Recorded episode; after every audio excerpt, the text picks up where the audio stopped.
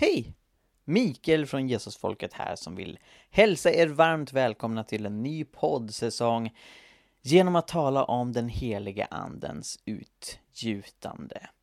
De senaste veckorna så har över 50 000 människor tagit sig till den lilla staden Wilmore i Kentucky i centrala USA. Där finns ett kristet universitet som heter Asbury University och där något väldigt speciellt har ägt rum sedan 8 eh, februari. Efter en helt vanlig andakt som eh, pågick i typ 40 minuter normalt eh, så föll Guds ande. Studenterna som var med på den här andakten vägrade gå och från att var 19 stycken så blev det plötsligt 500 och sen tusentals och till slut så fick de eh, livesända de här eh, bönemötena från eh, aulan ut på stora skärmar utanför universitetet. Mängder med människor kom dit, polisen fick gripa in, sätta upp skyltar som sa åt folk att vända tillbaka för att hela stan blev överbelastad. Och det här börjar sen sprida sig så även på andra universitet runt om i USA, i kyrkor runt om i världen, inklusive här i Sverige vet jag, så har människor dragits till att söka Gud i mer intensiv bön och tillbedjan. Och det har sagts och skrivits väldigt mycket om Asbury den senaste tiden. Det har kommit en hel del kritik mot rörelsen och framför allt så finns det många frågetecken. Vad är det här för sammanhang? Vad är poängen med allt detta tillbedjande? Så jag tog och skickade ett meddelande till en bekant till mig, får man ändå säga att han är, som är professor på Asbury Theological Seminary. Han heter Craig Keener är en av de absolut mest briljanta forskare jag känner till och är helt tokig när det gäller skrivande. Alltså han har publicerat en kommentar på Apostlagärningarna som är 4000 sidor lång. Ja, du hörde rätt. 4000 sidor lång. Den är då utgiven i fyra band med 1000 sidor vardera. Och när han skrev på denna 4000-sidiga kommentar om apostlagärningarna och kom till apostlagärningarna 2 där det står om den heliga andens utgjutande, om tungotal och andra mirakler, så börjar han i en fotnot förklara varför han som professor i Nya Testamentet inte utgår från att mirakelberättelsen som är nedskriven eh, i Bibeln nödvändigtvis är legender, myter och hittepå, vilket ju en hel del liberalteologiska exegeter och bibeltolkare har argumenterat för, utan han är öppen för att det här kan faktiskt beskriva historiska händelser och för att stödja den idén så pekade han på moderna mirakulösa fenomen. Så när den här fotnoten hade blivit 200 sidor av att Craig Keener listar exempel på exempel på exempel av mirakulösa fenomen i vår tid. Då tänkte han, jag kanske borde göra en egen bok av det här. Så han tog texten från den här fotnoten och omarbetade till en bok som då bara blev 1200 sidor. Så den utgiven i två band heter kort och gott Miracles, The Credibility of the New Testament Account. Och det var en viktig källa för mig när jag sen skrev dokumenterade mirakler. Så jag tog hjälp av Craig Keener och han visste att jag gjorde detta och gav tummen upp till det. Han gjorde till och med en liten eh, videohälsning när han eh, uppmanade folk i Sverige att, att kolla in Mikael Grenholms spännande bok. Eh, och sen när Dokumenterade Mirakler var klart eh, så frågade han mig, har du hittat några nya fall som jag inte känner till? Och det hade jag. Jag hade med, eh, om det är 10 eller 11 fall eh, i boken när det är svenskar som jag har pratat med och jag har gått till läkarjournalerna och så vidare så jag har inte baserat det på någon annans arbete innan mig.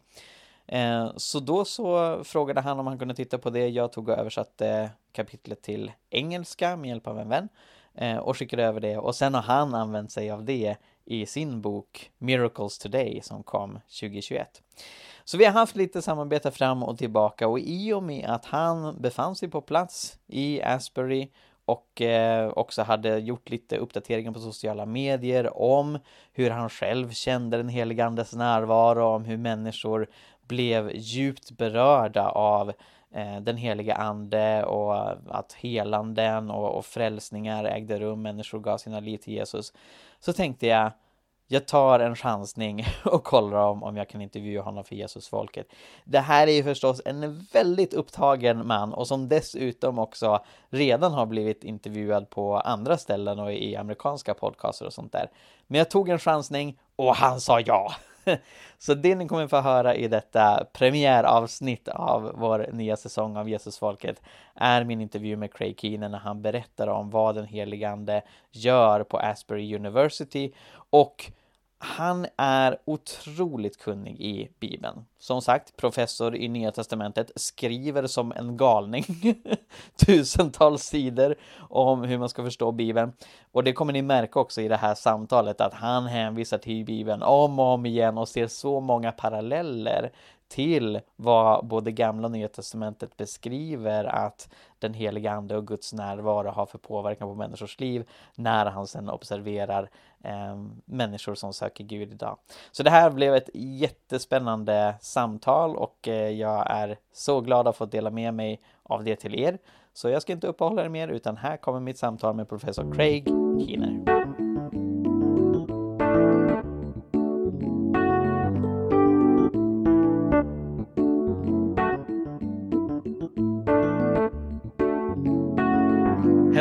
Welcome everybody to this English edition of the Jesus People podcast. My name is Michael Grenholm and it is my honor and privilege to be joined through Zoom by Dr. Craig Keener. Uh, very welcome, Craig. It's it's great to be with you. So, um, for those that don't know much about you, I'll try to uh, present who you are. Um, you are a professor of New Testament at Asbury Theological Seminary in Kentucky. And in my humble opinion, I think you're an outstanding scholar. you have written over 30 books, several of them being very big ones. Uh, and uh, they have more than a million copies in circulation. You're known for your work on uh, Bible background that aims to help readers understand the scriptures in the historical context. And through your writings and teaching, um, you have done a, a great impact uh, during your academic career. Um, you're ordered by, uh, ordained by the National Baptist Convention. You have served as an associate minister at Enon Tabernacle Baptist Church in Philadelphia for about a decade. And you have also been involved in ethnic reconciliation, both in the United States and Africa, with your wife, Medine Moussounga Keener. Did I get that all right? You did. The the um the connection between here in Sweden, sometimes the sound is like compressed and so on. But yes, everything I heard was good. okay, that's good to know. All right, now uh, you have been um, one of the people um, that has written and spoken ab- uh, about what's going on at Asbury University, uh, which, as far as I understand, is uh, institutionally separate from Asbury Theological Seminary, where you work, but they're across the road from each other and they have a common history in, in the Wesleyan tradition. And so, um, obviously, a lot of people have been hearing and seeing that something has been going on uh, at Asbury with uh, over 50,000 people visiting to experience God. Um, so, could you please uh, explain to me how did this all start? And and why has this become this huge phenomenon? As a historian you know when i talk about something starting i also look at the the background the the pre-starting. But in terms of the the starting of what actually happened um, initially it was wednesday morning february 8th uh, 2023 because they have chapel at the university three days a week, uh, Monday, Wednesday, and Friday for 45 to 50 minutes. But on this occasion, instead of it being 45 to 50 minutes, the gospel choir, which is predominantly African American, they just kept singing. Um, you know, chapel was dismissed, but they just kept worshiping God, and other students came and joined them. And after after a while, later in the afternoon, more and more students were filtering in. So they had like a few hundred students, is my understanding. And people were worshiping the presence of God. They felt it so strongly that people were just coming to the altar and weeping and repenting for their sins and uh, consecrating their lives to God because of the sense of God's holiness and his his presence in that place. Now, in terms of the the backstory, and I hope I'm not freezing because uh, I know some. Um, no, it's it, going at well. Certain points when I was listening to you, it was freezing. Okay, good.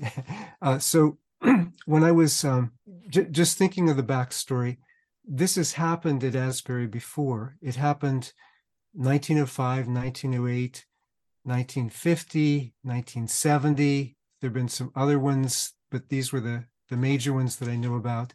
Um, they may have taken on different, somewhat different expressions at different times, but Asbury has a history of this going back to the revival tradition, which actually goes back to at least the 1700s in terms of people experiencing outpourings of the Spirit. I suspect it goes back way further, but in terms of the language of calling it revival or uh, awakening or, or things like that, uh, especially of the 1700s. So you you have it, though not taking place just in one kind of theological tradition, it happens in more than one. So on the on this side of the Atlantic, it happened in the First Great Awakening, especially among Calvinists.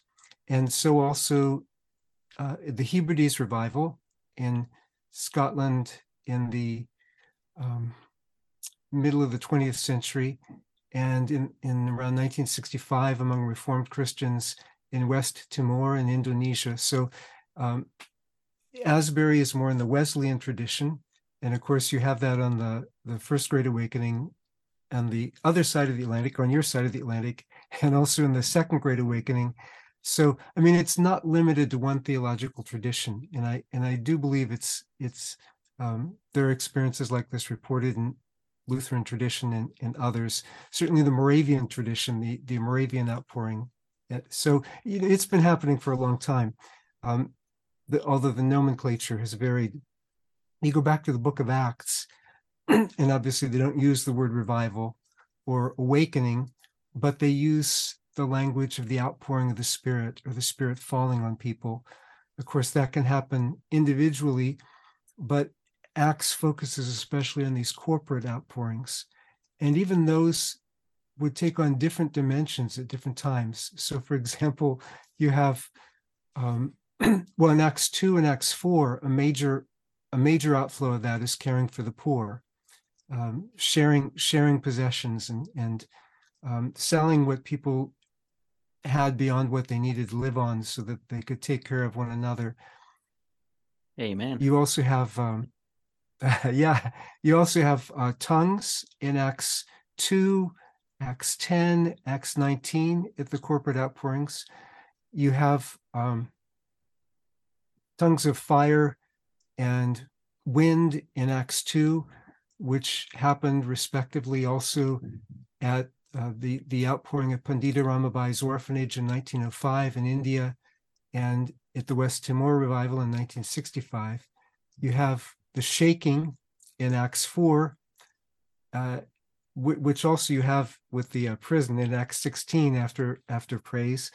But in Acts 4, also 431, they're filled with the Holy Spirit and speak the word of God with boldness.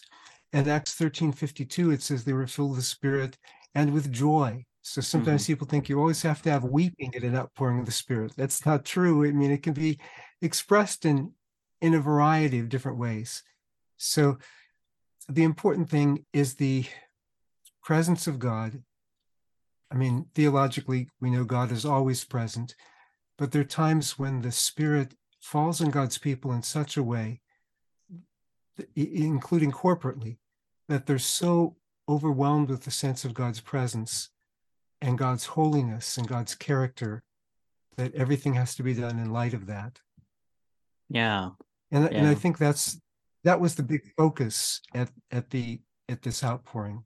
hmm Yeah, uh, I personally heard about what was going on at Asbury um, for the first time by uh, uh, following Shane Claiborne on social media.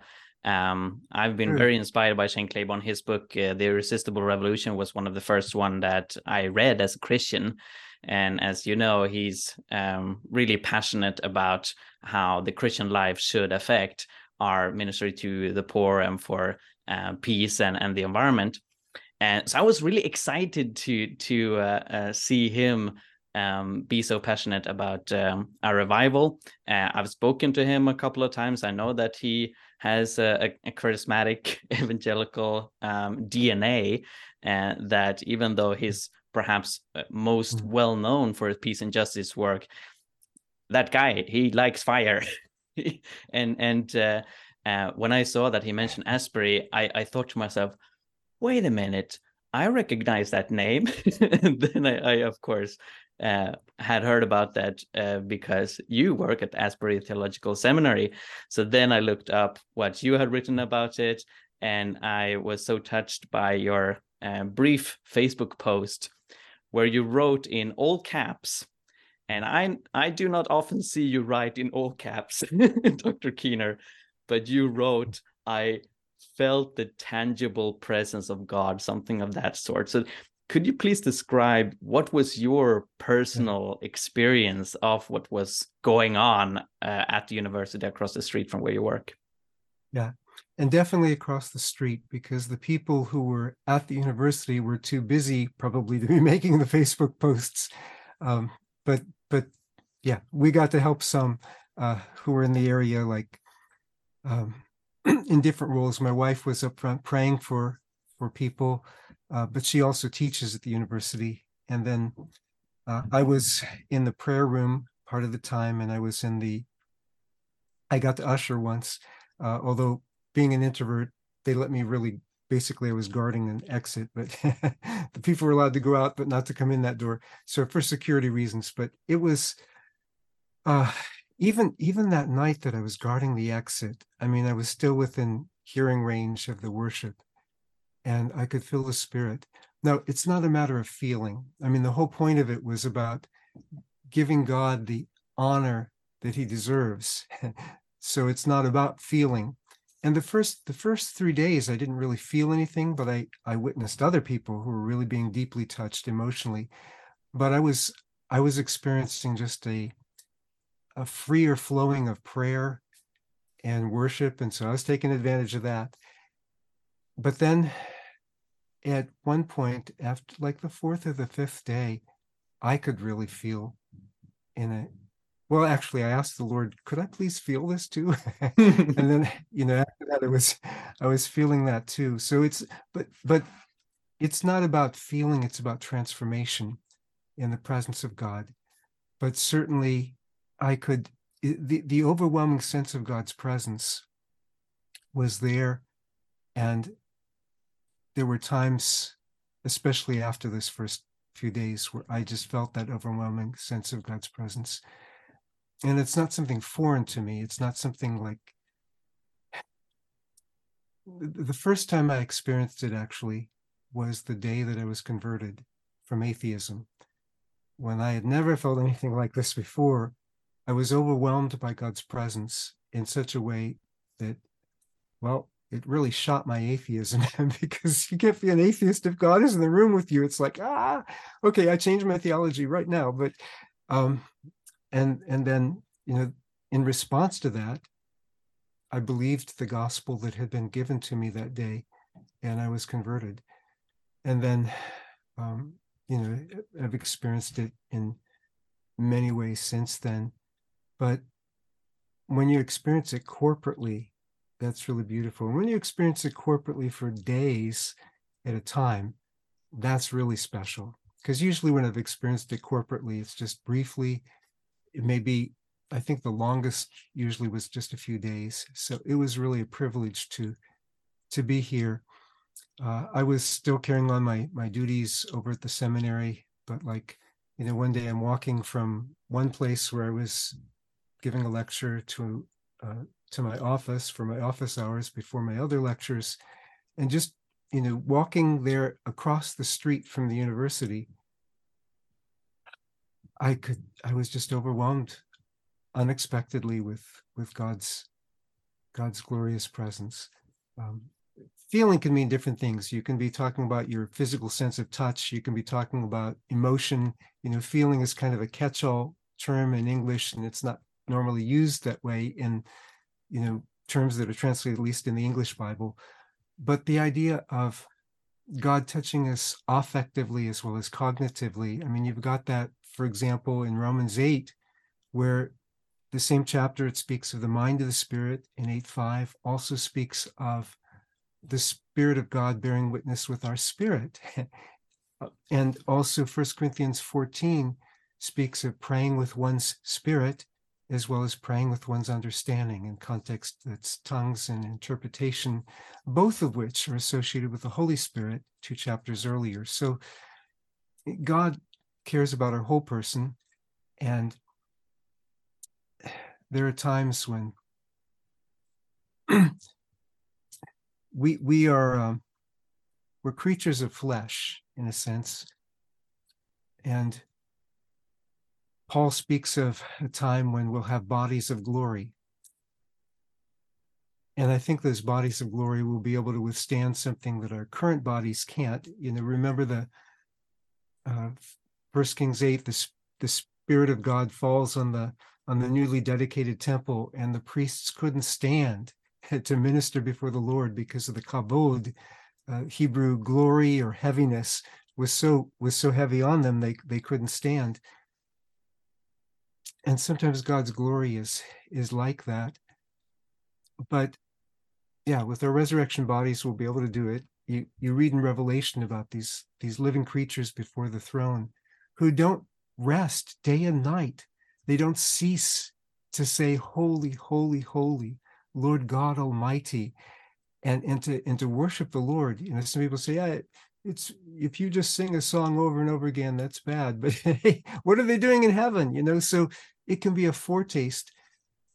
And and the songs that I mainly heard when I was there were songs addressed to God, recognizing who God is, recognizing his character, giving him glory and honor. The whole sense was honoring the God who had showed up, the God who was there.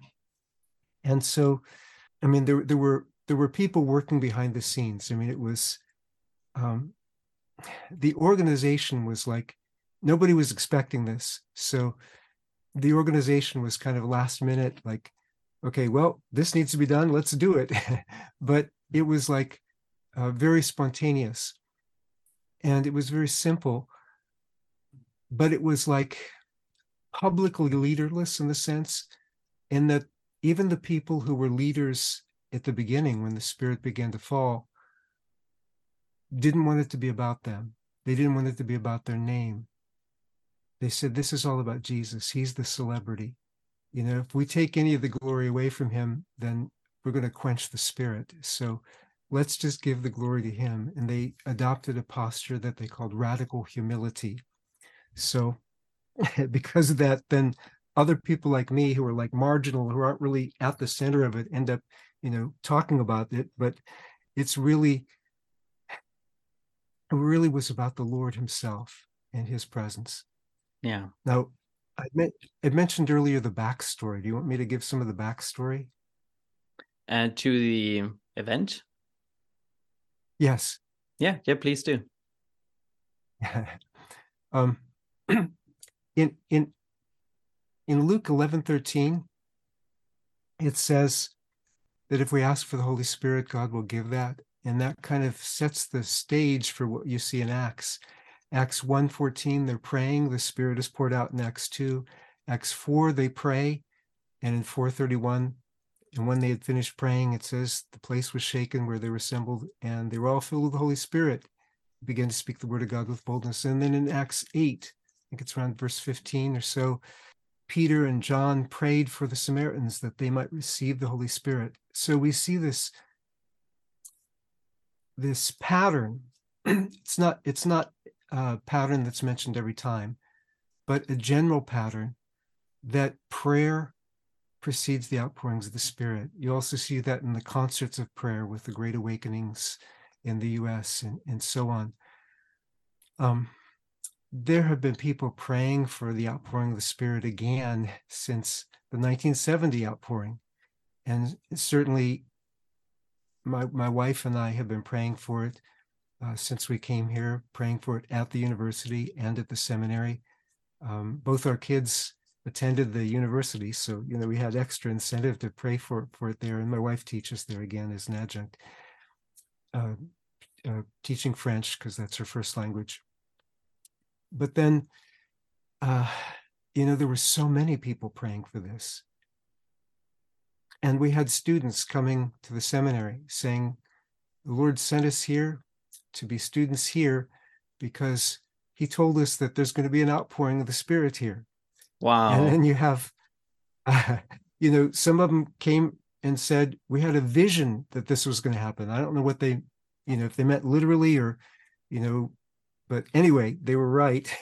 and and one one student, uh, actually, he wasn't a student; he was a visiting professor from Malaysia, Hong. He was really insistent about it. I mean, he was he was like all the time talking about this is going to happen, this is going to happen, and yeah, said, I, I heard a sorry, I heard a testimony yeah. from his uh, wife. Um, so yeah. um, on on YouTube. So I, I, I recently made a clip of uh, highlights from the yeah. Asbury outpouring, and and I included the testimony of of his wife, and and she said that yeah, me and my husband have been praying for revival ever since we came from Malaysia to the and to as um or to Wilmore in Kentucky. Mm-hmm. Yeah, yeah, yeah. And there were people who thought he was going overboard. I actually thought he was going overboard. It's like you can't force it. God will bring it in God's time, which is also theologically true. But you know, his emphasis was absolutely correct and uh, you know afterwards we needed to remember like he told me you need to speak up for this when it happens you know in the first few days i wasn't saying anything and, and then i you know remembered he said you need to speak up for this and so that's when i uh, well i asked permission first um because you know i again it's not about us it's about the lord so i did ask permission from somebody at the university if i could please uh, speak up and start responding to some of the critics and so on. And and this fact that people have been praying for revival for so long, and uh, that they have um, had these prophetic messages, prophetic foretellings about revival, um, mm-hmm. kind of explains something that I found confusing. That people spoke about the Asbury revival basically from day one. Again, I, I got this these news from Shane Claiborne, and I think he made his post about that uh, when it had been going on for two or three days. And mm-hmm. and so, as a church historian, uh, when I look at these huge uh, revivals that have transformed nation, uh, you know, Sweden itself has had a couple of revivals, and mm. and all of them had been societally transforming uh, I was a little bit provoked by the rhetoric of revival, and and still I, I I would reserve my use of that term to when we see the greater impact of this, and I'm not in any way um, denying or or saying that it's impossible that this will not have a huge impact because I think we're already seeing mm-hmm. something big. Um, but I've also noticed you you mentioned earlier that you could talk about outpouring, which is more the biblical language. Of course, revival is more of a um, term that that sprung up uh, in in church history, d- describing the context of most people being nominally Christians, but then all of a sudden you have this revival, this awakening, where people wake up and realize, well, if we're Christians, we should really follow Jesus. Um, so where are you on that? Yeah. Uh, are are you comfortable in in calling it a revival already? Uh, I mean, I do it uh, from time to time for communicative purposes. It's it's more known as the Asbury mm. Revival by this point, but when I get down to the nitty gritty, I I rather uh, talk about the Asbury outpouring. Uh, what are your thoughts on that? Yeah, Uh, yeah, I would agree. And actually, when we were praying for it, we were praying for revival just because that was the shorthand for it. But thinking in terms of revival as what it meant with the other Asbury revivals. So the, the nomenclature is kind of broad. Revivals used a lot of different ways. And in terms of church history, there's different kinds of things we call revival. so you've got some things that lasted a couple weeks, which is basically most of the college revivals were like that. Uh, and, and certainly the, what we call the Asbury revivals were like that. Then you've got things that lasted for decades, you know. So we've got apples and oranges that we all, you know. So I prefer outpouring outpourings. I think it's the more biblical. I'm not going to quibble over nomenclature that's not even in the Bible, although technically none of our English words are in the Bible that's true in English. But, um, but, in the in the sense of uh, what the outcome will be, that of course remains to be seen. But if it's comparable to the previous outpourings at Asbury, then what we can expect is a generation of people who dedicated themselves to God's service and will be going out to proclaim the gospel around the world and make a difference in the world. Like one of the members of the gospel choir that I've kept in touch with, actually, she's been my main conduit to other people uh, in in the revival. She's a senior there now. Oh, she's a social work major, you know, so she's she's planning to make a difference in the world in, in terms of social work. But uh, I don't know if it's you know there may be other things she's going to do as well it's not like you can only do one thing but i when i first met her she was a freshman on the campus and the way we met was i was just walking across the university campus to get the seminary we didn't know each other she she stopped me she said sir may i pray for you so here was a bold african american freshman who's you know fired up for jesus and she she's just stopping people and praying for them. so I sure. So um, so I knew she was she was on fire for the Lord. And over the years, she's maintained that faithfulness to God. And um, yeah, and so she was part of the gospel choir when they just were singing and worshiping the Lord. And apparently, there's been the Spirit has been moving in the gospel choir all year long. So, you know, it spilled over. Um, and, and I remember talking with Anna Gulick, who was a French professor at the university back in the uh, the 1970 revival. I didn't talk with her in 1970. I talked with her like 10 years ago or something, but she was telling me how it, um, you know, it, it, was spontaneous. The 1970 one was spontaneous. The administration wasn't expecting it, just like this one. But there were pockets of students on the campus already praying uh, together and and then you know what happened i remember at, at, another school where i taught um, the first the first place where i taught uh, that there was a seminary attached to the undergraduate campus and i took some of the undergraduates to uh, a conference where the spirit was really strong. We came back and we, we just we're going to pray like half an hour each day together, I think at five o'clock or something. But the spirit was so strong, we ended up praying for a couple hours, you know, just praying and prophesying and you know, things like that. So, um, and that that went on for for that week, and then the campus minister in chapel that Sunday preached one of the worst sermons I'd ever heard. I was so embarrassed because this hmm. was my student, and I thought I'd taught hermeneutics better than that. And then gave an altar call, and one third of the people present gave their lives to Christ. I'm like, wow. yeah. The Spirit of God makes a big difference. Yeah, definitely. Quite recently, uh, the Asbury University leadership announced that the public phase of the uh, outpouring would end. And so there had been a lot of logistical problems, not only for the university, but for the whole town.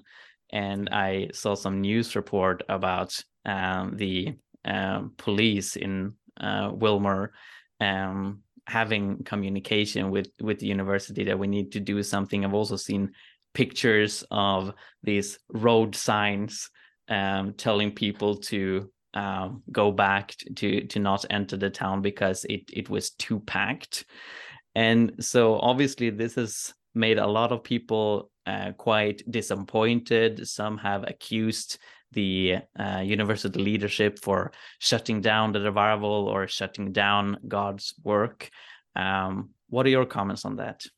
I, I wasn't happy when I heard that it was going to be uh, the public face was going to be closing, but at the same time, when I heard the explanation, I understood why why it was necessary.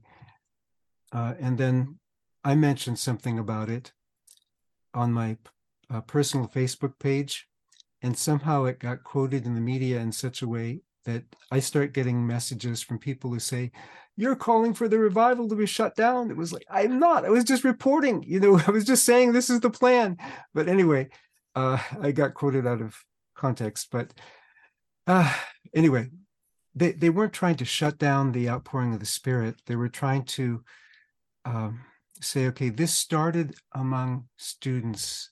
It was it was about the students the university wasn't trying to broadcast it. It it got out, you know, you know, some of us were put, posting on Facebook, but then you know once it hit the media, um, now I think that was good in a way because it spread. It started happening on other campuses.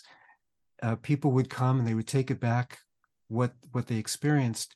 But God isn't limited to a place. It's not like this can only happen at Asbury University and i think that was part of the point was you don't need to come here to get this you know god is wherever you are you may feel god's presence more here but you know you worship the lord you see what god is going to do in your place you don't have to you know it's like i think people were coming and trying to get their candle in the fire and, and take the candle back and that's great.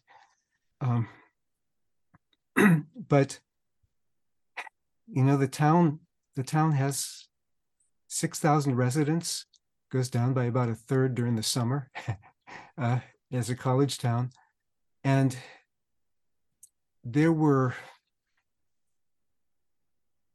sometimes there were twice as many visitors as there were residents and that alone might not be a problem but there were far more people in town at that point than there were toilets you know there's certain certain logistical issues and so they they got some some temporary toilets and so on that they they put in and but people were all across the front lawn. It was beautiful. I mean people were just worshiping outside. Um, we had the overflow in all the chapels like so 1500 could be at the university chapel. Uh, the seminary chapels could could hold like a thousand. Plus they opened up the seminary gymnasium the seminary cafeteria uh, the, the, local christian church the local baptist church the the methodist slash vineyard church which which uh, meet together at different times. So i mean there, there was between the overflow spaces there was enough space that they could accommodate people although the main auditorium they had to cycle people through like like encourage them after you've been here a couple hours please uh, make room for other people so we can get everybody through. I think they got everybody through um, at least you know with the overflow spaces i certainly felt the, the lord's spirit in the overflow space at estes chapel at the seminary when i was there so but you know it happened at lee lee university campus i heard of a stirring at um, Samford, which is a Baptist campus. Lee is, is uh, Pentecostal. So, you know, it happened in a number of other campuses. And without making news, I know it's also happened on other campuses where I've been in the past where, where it happened. But again, just for a few days at a time. But I mean, those days were life changing for me um, because what the Spirit does in us, I mean, the impact on the, the fruit in our lives, the impact of the boldness it gives us. Well, I mean, it, yeah, the Holy Spirit does different things in different people, but I know this one, there were things where I was like, hmm, I'm not feeling anything, but but there's a new boldness in me to speak. Like if people don't like it, okay, that's all right. I'm going to speak what's true. I mean, there's always been some of that, but it's more, a lot more now because really I don't like conflict, but there's more, um, more of that. So I know the Lord, uh, and just so many people dedicated themselves to God. I mean, so, so much transformation took place in so many lives, including among visitors that, that we prayed with. Um, but yeah, I I wish it could have gone on longer. the public face, but the but the students the students needed to be the main focus. That was yeah, you know. So Craig, you have uh, released a video uh, where you respond to criticism of the revival, and uh, I plan to include that in the show notes um, because um, you do a, a, very good job, I think, to respond to various sorts of criticisms. Um, but one common criticism that um, I would like you to also discuss here is a criticism uh, that has been raised, especially among some quite influential Christian YouTubers uh, whose videos have had uh, hundreds of thousands of views. And that criticism has been there isn't enough preaching, uh, especially not preaching about sin, about repentance. And so, what are your thoughts on on that? My thoughts on that are that people should stop complaining and join up with what God is doing, but it's up to them. My wife, who was praying for people, so she was like in the front of the auditorium and a different different auditorium. She was in some of the overflow spaces at different times too, but she was like in the front lines most of the time. Um, I I was there some of the time, uh, where where I could hear hear what was going on people did preach repentance and people did preach the gospel. And so people are saying that they didn't based on the clips that they listened to. I mean, it's like saying, okay, well, you know, based on this, we think, you know, in this sample group, everybody was white. And so, hey, it must be only white people. You know, it started with the Black Gospel Choir, you know, so um, just based on sample size you can't you can't make sweeping statements and i don't know if if some of the critics are taking it from other critics or whatever it's just simply not true. There was preaching about that. Now the the majority of the time was spent worshiping uh, which i believe also was true during the welsh revival where there was a lot of singing of yeah of definitely. songs over and over. Um, I, I, talked with Michael McClymond about this, who's a revival historian at St. Louis University, and he was comparing, you know, different revivals in history, and definitely saw this as as a as a an outpouring revival uh, in terms of you know some of the ones that, that he could compare it with. But yeah, people have their idea of it has to be this template, and then they want to impose that on everything, and they don't recognize in the Book of Acts there were different outpourings that were expressed in different ways, although most of them did include worship. and this, in fact, it was because of the sense of God's holiness and awesomeness that there was this focus on, on worship. It wasn't just to get together to sing songs for 360 hours straight. it was it was the presence of God that was that was leading to that a lot of the criticisms I, I dealt with in the video, I, I, probably didn't need to deal with all of them because some of them I'd only heard like once or twice, and I think they weren't that dominant. But yeah, th- this is one I've heard more since then, and it's like, where were you? I mean, just because you didn't hear it doesn't mean it didn't happen. We were there. We did hear it. Yeah, and and uh, I also thought it was interesting that uh, one of these quite influential videos that uh, questioned the it, the revival. It wasn't a, a direct uh, criticism or or um, labeling it heresy, but it, it, it, raised some questions. And and one of uh, um, this YouTuber's point was that it doesn't look like the revival in Acts. Uh, it doesn't look like Pentecost. And then his next point was it included some bizarre phenomenon like speaking in tongues and casting out demons which really confused me I, I understand that these are people coming from the cessationist perspective and actually we hardly have any cessationists here in sweden. Uh, we have some That's liberal theologians who who um, question the existence of miracles altogether both in, in biblical times and today. Uh, but but basically there is no distinguished uh, or or difference between evangelicals and charismatics in Sweden. Were basically one one huge group. Um, but still, I, I thought it was very um, uh, confusing uh, that even a cessationist would not hear himself first saying, "This doesn't look like Pentecost," and it included speaking in tongues. That's bizarre. yeah, we did so far as I know, there was no rushing mighty wind. Well, there were there were some weather phenomena outside, but uh, and there was um, there were no tongues of fire on top of people.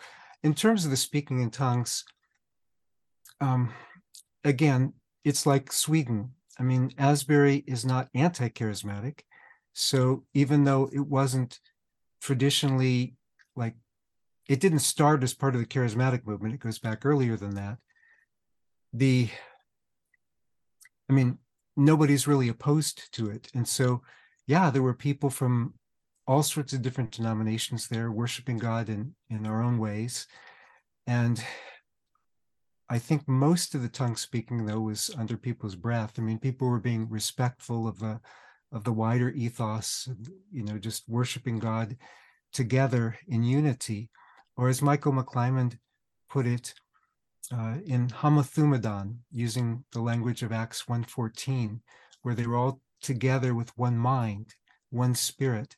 So, as he put it, people who'd never met before and would never meet again in this life, being of one mind. But even when you say, okay, well, it has to be like Pentecost as the template, you look at other po- points in the book of Acts where the Spirit was poured out with different expressions. And so people need to not put God in the box, let God be God. It's all right to say, okay, well, this is not like this, but is there something wrong with worshiping God? Is there something wrong with acknowledging God's holiness? Is there something wrong with call, calling people to consecrate themselves holy to God? If those things are biblical, let's stop complaining and embrace what God has for us. Okay, so it's not exactly what you were looking for. It's all right. It's still something good. And yeah, that's there were critics of every outpouring of the Spirit, you know, whether you were talking about major, you know, awakenings or we're talking about smaller outpour, you know, whatever we're talking about, there have always been critics, including in the day of Pentecost. You guys are drunk. exactly. I, I totally agree with you. Uh, now, finally, Dr. Keener, um, you and I have a shared interest in miracles, and um, uh, I was very blessed by your 1,200 page, two volume book called Miracles that I uh, read from cover to cover uh, when I wrote my book in Swedish called Dokumenterade Mirakler, which translates to Documented Miracles. And I was really honored which, which when. I... Yeah, you you reached out to me then later, and and I provided you with a, a chapter from that book translated to English with my Swedish cases, and so you use some of them in your book that came in 2021 called Miracles Today. So I really appreciated our cooperation. And what I really find interesting with revival history is that miracles are so common in this revival, including in movements that we don't typically uh, have labeled charismatic. Um, mm. So, in Swedish church history, the revivals of the 19th century, um, uh, 50 or 100 years before Pentecost, a lot of healing, a lot of um, deliverance from demons, prophecies, things like that. And of course, in other contexts as well. Mm-hmm. Um, and even in um, revival reports that does not abound with these reports of explicit healings and the like. Um, there are these spiritual phenomena, people that uh, perhaps have not highlighted emotion uh, and uh, a, a, very strong sense of, of God's presence normally all of a sudden is is um, both um, figuratively and literally floored uh, through that. So uh, I was wondering, based on your uh, knowledge about miracles uh, in both the Bible and, and in church history, um, what lessons can we learn from the role of spiritual gifts and miracles when God does an outpouring like this? Again, different ones have taken different forms. So you do see a lot of signs and wonders in the Shandong revival in China um, and in the uh, West Timor revival and other Indonesian revivals and Indian revivals. Because uh, signs and wonders in the book of Acts really get attention of non-believers and uh, give them opportunity to respond to the gospel because it gets people's attention. I mean, the signs and wonders are not the same thing as Jesus died, Jesus rose, but they they get people's attention for that, and then people can either respond or they can beat you up. I've had both kinds of responses, but you know, once you get their attention, and therefore the, the church grows and spreads. And some of the awakenings in the US, some of the phenomena were like, uh, like you said, people falling down. Uh, you, you, have that in First Samuel chapter 19, though. Also, it's not like limited to modern history. Uh, people say it's not in the Bible. Well, you haven't read the whole thing, have you? but anyway, um, but in you have people falling down. Um, you have sometimes shaking of people and, and so on. Some of this may be emotional response, but it's like when confronted with God's powerful presence, our human bodies are not um, are not used to that. I mean, our nervous system, it's like I don't know if it's short circuits it or what, but Jonathan Edwards was a theologian at the at the First Great Awakening, and he said, you know, you have these things, he called them manifestations. They may be signs that God is is working. They may also just be people imitating others that they saw where God was working. They may be the flesh, they may be demonic sometimes, but um, you you can't tell just by the manifestations that God is working. The way you tell is how they live afterwards. So um, so yeah anyway we do have a lot of things like that usually there's some sort of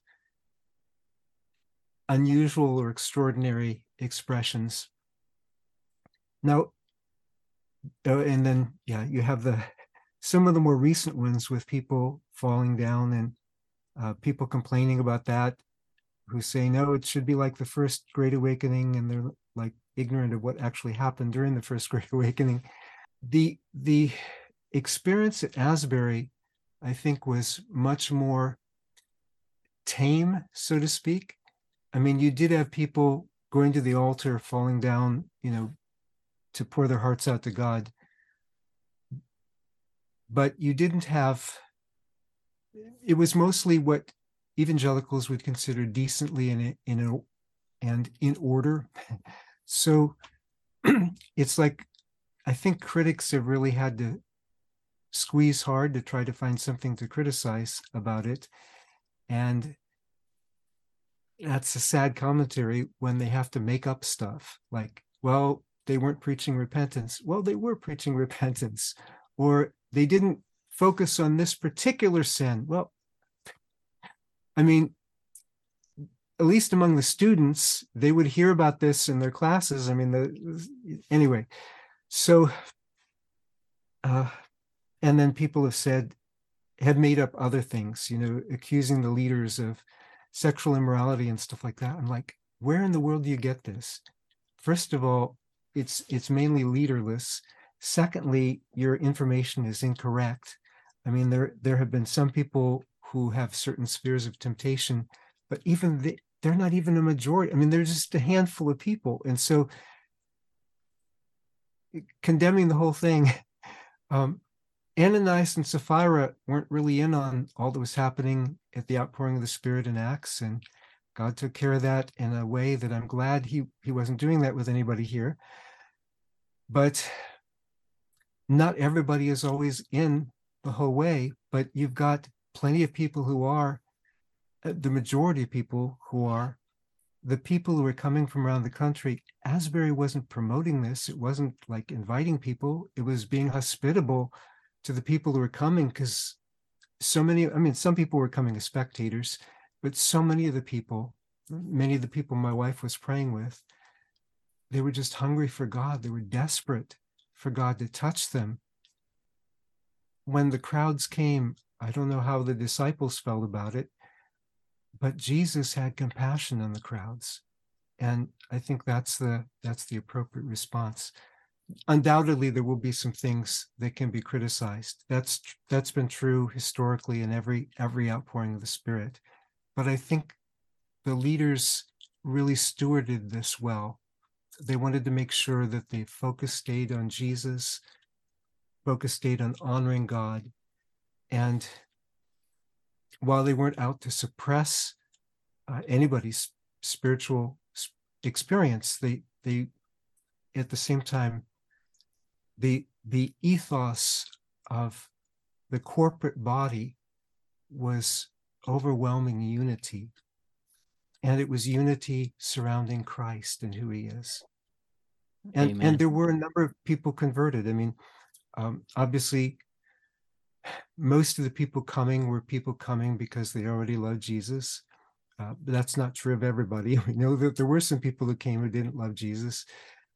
Um, and I assume most of the students came from Christian homes. That doesn't mean they were all Christian to begin with, but there were a number of people converted. The the estimate that I heard from one of the leaders on the last day was hundreds of people converted. Now, I, again, I have no way to verify that, but we do we do know that a lot of lives were changed. Yeah, definitely. Dr. Craig, thank you so much for your time. I've been so blessed by this conversation. And I was wondering if you will be willing to end with a prayer for all the Swedish listeners who are longing to uh, receive something similar to what you received at Asbury.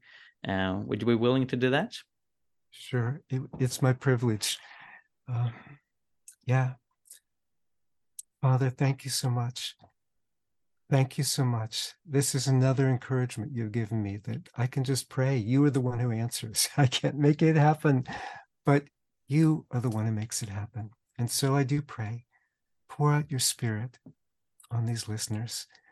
Pour out your spirit afresh and anew in Sweden. Lord, you've done it so many times before. And the, the impact, uh, continue to impact Swedish immigrants here in the United States and um, renewal within the Lutheran churches and parts of the US and, and so on.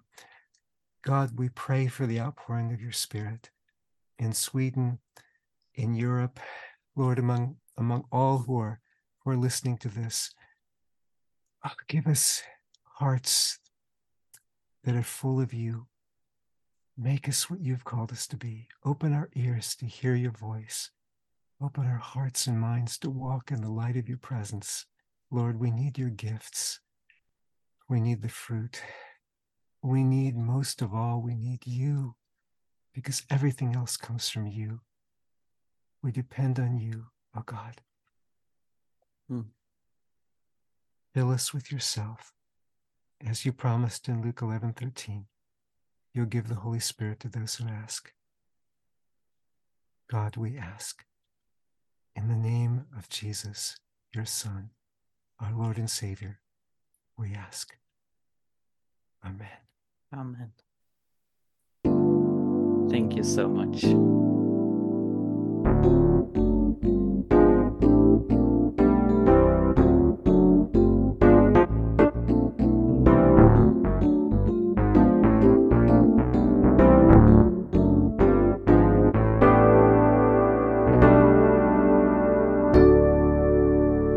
Tack så mycket för att du lyssnar på Jesusfolket.